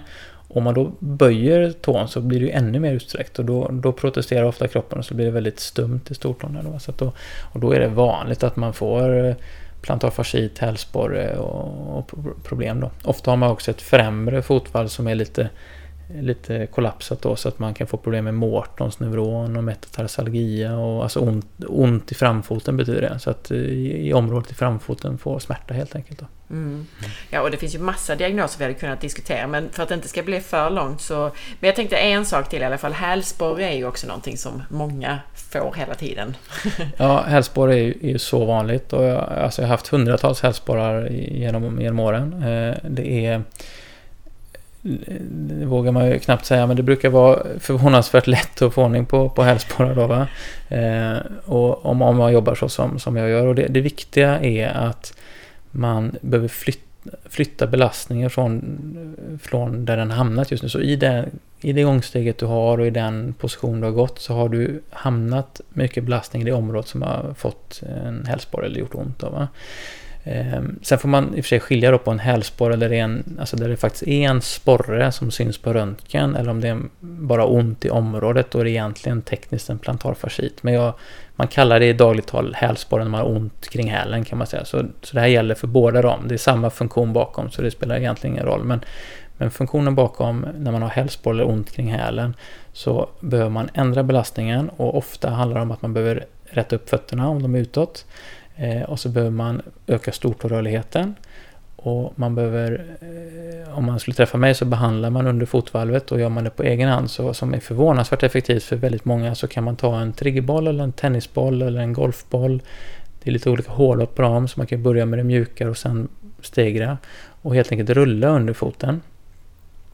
Eh, och när man rullar under foten då så dels ska man rulla lite allmänt först för att bara allmänt mjuka upp. Sen kan man hitta vissa ställen som kanske är lite extra ömma och så kan man lägga lite mer kroppstyngd på det stället och egentligen bara andas kanske en 30-45 sekunder så att det slappnar av lite i partiet. Och sen kan man bibehålla det trycket och spreta på tårna och röra på tårna. Eh, det brukar vara effektivt också. Och då kanske man har en 3, 4, 5 sådana ställen i foten som är lite extra ömma. Då. Så då får man igång cirkulation i plantarfascian, man ändrar lite hur belastningen ter sig och då kan det förvånansvärt fort Eh, man kan bli av med hälsporrar. Så jag har haft många som haft hälsporrar i ett år och det försvinner på en behandling. Det, det är wow. vanligare än vad man... Eller det är rätt vanligt faktiskt. Så sen, sen, har jag också varit med om att det är klart finns tuffa fall också. Men det är väldigt hög procent som blir snabbt av med sina hälsporrar. Så rulla en boll under foten och hitta ömma punkter. Och då menar du ju inte själva den ömma hälen utan du menar ju punkter under hela foten. Precis, under, i hålfoten då. Och har man en väldigt, väldigt irriterad hälsporre så undviker man liksom precis på det onda utan man jobbar runt den då. För att minska anspänningen totalt i plantarfascian då. Så att är det väldigt inflammerat så vill man inte vara rakt på det då, utan vill man jobba runt omkring. Har man en lite mindre känslig hälsporre så kan man ibland faktiskt gå rakt på den också. Men det är väl bättre så här som, utan undersökning nu så tipsar vi mer om att man jobbar runt hälsporren. Just det. Så bollen, rörligheten i, i tåleden som vi gav övning för innan mm. och att gå med fötter och knän rakt fram. Rakt fram. Mm. Då, då brukar man bli av med sin hälsporre. Mm. Perfekt ju. Ja. Är det något annat förresten, någon annan diagnos som känns viktig att ta upp här, kommer jag på? Nej, men det, det är de vanligaste. Hallux valgus är jättevanlig. Hammartå fick vi tips på. Hälsporre är oerhört vanligt. Och det är klart alltså hälseneproblematik, alltså ont i hälsenan och sånt. Det är nästan alltid att foten behöver lära sig att svikta bättre. Så när vi pratade om den här kompakta foten, de tipsen vi gav då kan man applicera på det. Men eh, man kan ju tänka sig att när man går och rör sig så foten är en fjäder, fotleden är en fjäder, knät är en fjäder, höften är en fjäder, bäckenled och ländrygg. Så alla de ska svikta och ta sin del av belastningen. Så så fort något av de områdena inte riktigt Eh, sviktar som de ska så kommer ju de andra få ta mer stryk relativt sett. Då. Så har man problem med hälsenan eller gubbvad eller den typen av, eller benhinnebesvär också, så är det nästan alltid så att problemet sitter i att foten inte sviktar eller att höften är för klen. Så har du höga fotvalv och problem med gubbvad, hälsena och benhinnor, då har du antagligen ett fotproblem. Och har du låga fotvalv och har problem med benhinnor, gubbvad, hälsena så har du antagligen ett höftproblem. Och då gör man för fötterna övningarna som du har gett här och för höfterna så kan man lyssna på alla avsnitt med Marcus Greus så finns det massa sådana Exakt. bra, effektiva mm. övningar. Fanns de här problemen under evolutionen eller hos naturfolk? Eh, ja, alltså under evolutionen är det klart svårt att säga 100% utan en tidsmaskin, men vad man kan göra är att man kan titta på eh, alltså befolkningar som fortfarande lever som, som naturfolk så att säga. Då, va? Och eh, där är ju den här typen av problematik eh, egentligen obefintlig. Eh, och man har gjort studier på detta där man, man mäter balans, man tittar på funktion och, det som för mig kanske är mest häpnadsväckande egentligen det är ju att man tittar på 75 plus-åringar i de här naturbefolkningarna. De står i flera minuter på ett ben med perfekt balans, blundandes. Liksom. Och, och tittar vi på alltså 75-åringar i Sverige så pratar vi ofta fem sekunder med tittandes ögon. Alltså så att man kan knappt stå fem sekunder på ett ben med tittandes. Då. Så att det, det är ju så radikal eh, skillnad liksom. Så att eh, eh något gör dem rätt i alla fall. ja, precis. Om vi ska nu försöka summera ihop det här på något bra sätt. Så först och främst då vikten av bra fotfunktion. Alltså jag ser ju det som i det långa loppet att det är viktigt för allting som vi var inne på innan med cirkulation och andning och lymfsystem och så vidare. Ja, verkligen. Och något som man faktiskt kan ta upp eh, som är ett oerhört stort samhällsproblem faktiskt, det är, det är ju fallrisken när man blir äldre. Så det satsas ju väldigt mycket pengar från vården på, på att minska fallrisken hos den äldre befolkningen och det är ofta har man släktingar och så, så vet man rätt att det ofta går ut för när man bröt lårbenshalsen eller man ramlade i hemmet. Eller, alltså det är ofta då det blir sämre livskvalitet och det blir olika problem. Och fallrisk och balans hänger ihop oerhört mycket. Och då vill jag hävda att balans och fotfunktion hänger ihop väldigt mycket mer än vad man kan tänka sig. Ja, verkligen. Jag kan bara bekräfta det med tanke på alla tester vi gjorde här innan och mm. när man fick ut stortån och så vidare. att Då fick man helt plötsligt väldigt mycket bättre balans. Verkligen. Och jag har ju också sett studier på att balans hänger ihop med så mycket mer. Alltså det är en direkt risk det här med fallrisk och alla problem som kommer med det. Men också att det finns studier på att balans hänger ihop med demens, alltså en bra balans, bättre kognitiv funktion och så vidare. Mm. Och ja, hälsa generellt och, och minskad risk för dödlighet. Absolut, absolut. Ja, det är spännande. Det är alltid svårt att säga hönan ägget liksom. Eh, men, men det finns ju ett samband så det är jättehäftigt. Mm. Ja, så är det absolut. Alltså, om den dåliga balansen beror på någonting annat till exempel som mm. Mm. ökar risken. Men absolut. Så att fötter är extremt viktiga. Ja. Och vi, eller du har gett här några bra tester och övningar. Så om vi skulle summera då övningar som kan vara bra för alla att göra för att bibehålla då en bra fothälsa, en bra fotfunktion och därmed då en bra hälsa generellt. Vad skulle det vara för övningar? Ja, det jag vill trycka mest på det är den här stortån då, att den ska vara i, i position. Så att allting som får stortån lite mer linjerad, alltså bort från de andra tårna, är positivt. Och då nämnde jag ju till exempel då eh, att man kan ta ett gummiband eh, runt stortån och jobba mot motstånd. Och det här är bra för alla, att man försöker då föra stortån bort från de andra tårna mot motstånd. Om det är för tufft med gummiband, då kunde man ta ett finger och trycka ut stortån istället. Och sen släppa stortån och försöka hålla kvar den så att man jobbar excentriskt då, som är en klassisk rehabform. Så båda de kan man göra för att försöka linjera sin stortå. När man har gjort det, så för att stärka den på ett funktionellt sätt och förstärka den här gångreflexen och inte då gripreflexen, så kan man då göra eh, tåhävningar med ett gummiband runt stortårna. Så att man Alltså gummibandet drar då stortårna mot varandra så att de så att säga är linjerade under tiden man gör tåhävningar. Då. Det tvingar stortårna att sprit, äh, vet du, spreta med exakt, tårna. Exakt, exakt. Och vill man då stärka tårna lite extra och lite mindre fokus på vaden så kan man göra det i en liten uppförsbacke. Och det, det behöver inte vara mycket lutning ska jag säga då, för då blir det tufft. Utan det kan vara bara lite, lite lutning då. Så det, det är övningar som är bra för alla. Sen Eh, skulle jag säga att det är, det är inte negativt för någon och det är positivt för de flesta att rulla med en eh, golfboll, tennisboll eller eh, triggerboll under fotvalvet. Då. Då menar jag alltså inte på hälen och inte på tån utan liksom i valvet där. Att mjuka upp och skapa cirkulation och rörligt där. Och det, det brukar vara en väldigt skön känsla i resten av kroppen också och kan ge mm, tydliga effekter genom hela, hela kedjan faktiskt. Så det är också bra för alla och det hjälper ju den här bromsförmågan och hjälper plantarfascian och lite olika symptom där. Sen nämnde du också den här eh, när vi kom in på definitionen av eh, pronation och så vidare, att man kunde, att man kunde stå så på, på foten också. Mm, alltså många har ju svårt med liksom broms, bromsfunktionen så att säga då, eller pronationsfunktionen.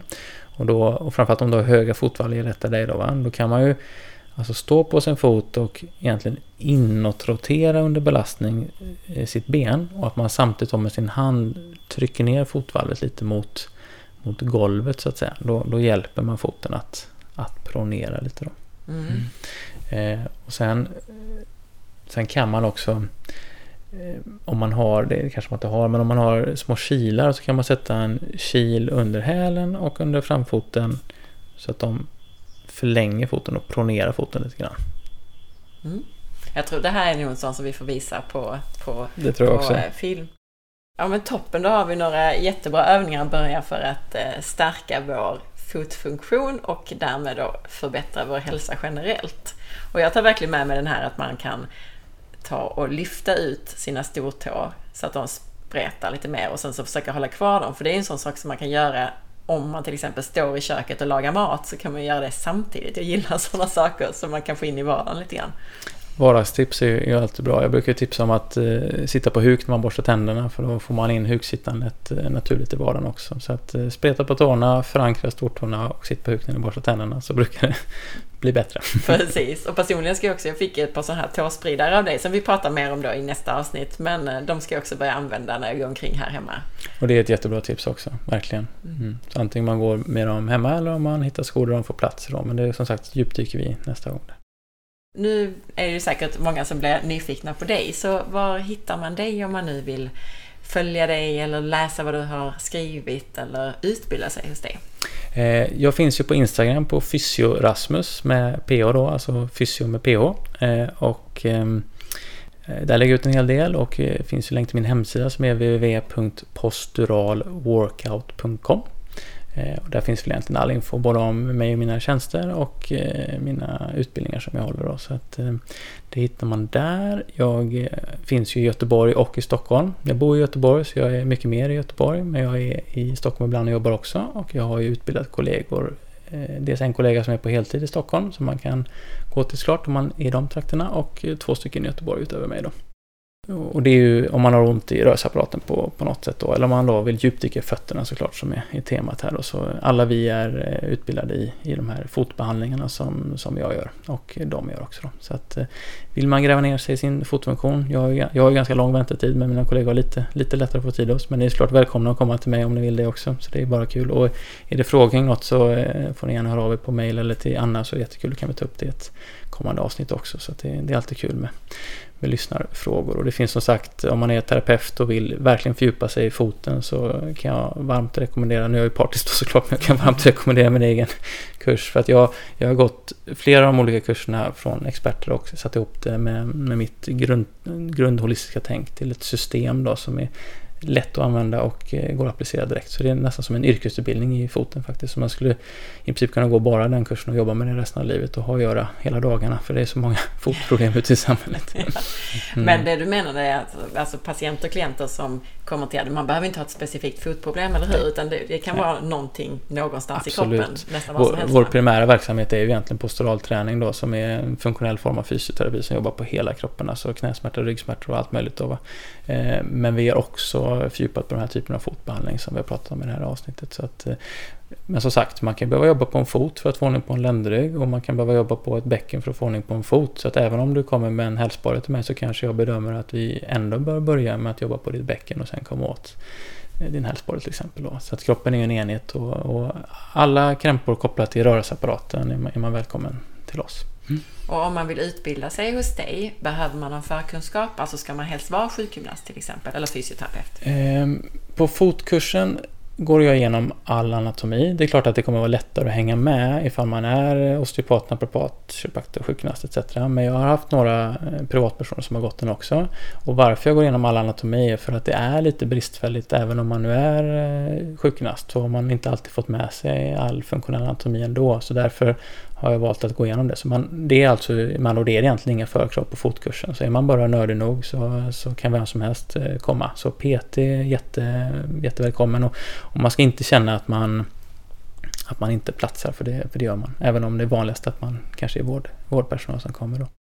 Och jag kan också bara förtydliga det här med om ni har frågor till oss så jag tar gärna dem i kommentarerna till något av inläggen, alltså inlägget om det här avsnittet på Instagram eller Facebook till exempel, eller på forhealth.se.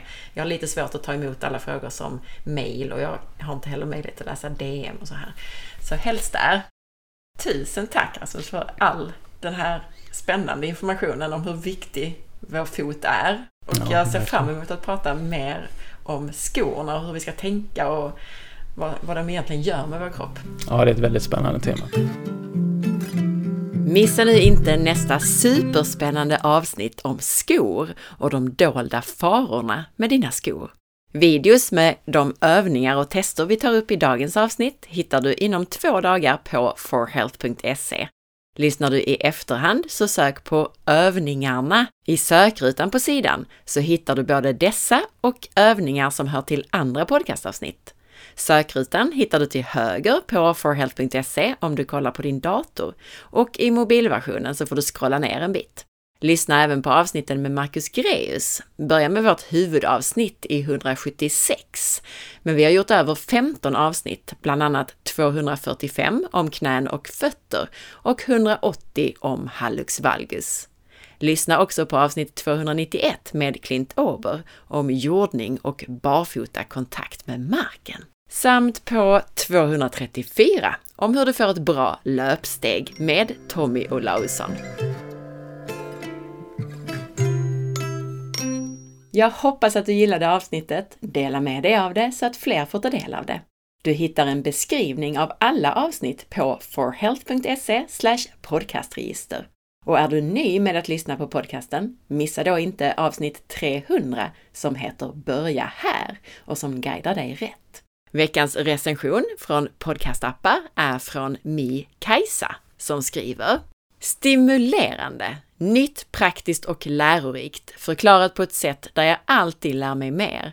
Denna podd är som en del i det fina i världen, där vi hjälps åt och vill varandra väl. Tack Anna! Följ med på facebook.com forhealth.se där du kan hitta avsnittsinformationen till det här avsnittet som du kan dela och där du flera gånger i veckan hittar nya hälsotips. Och glöm inte att lämna en recension i din podcastapp Följ också mig på Instagram via asparre och titta in på bloggen på forhealth.se. Ha en fantastisk dag! Vi hörs snart igen. Hejdå! thank